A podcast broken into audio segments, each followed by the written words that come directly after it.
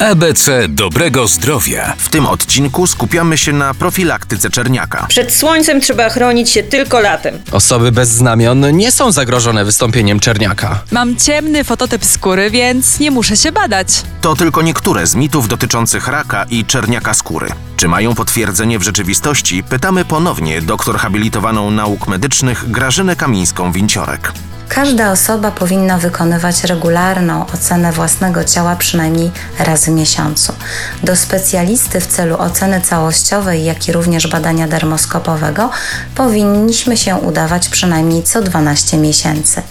W ciągu całego roku należy stosować się do zasad bezpiecznego przebywania na słońcu i prawidłowej ochrony przed promieniowaniem ultrafioletowym zgodnie z obowiązującymi rekomendacjami. Unikajmy zatem słońca w czasie jego największej aktywności, a jeśli chcemy się opalać, róbmy to z głową.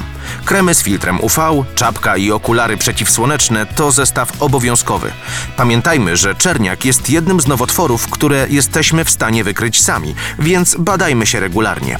W porę zdiagnozowany jest całkowicie wyleczalny. Kampania społeczna Planuje długie życie, realizowana w ramach Narodowej Strategii Onkologicznej we współpracy z Ministrem Zdrowia.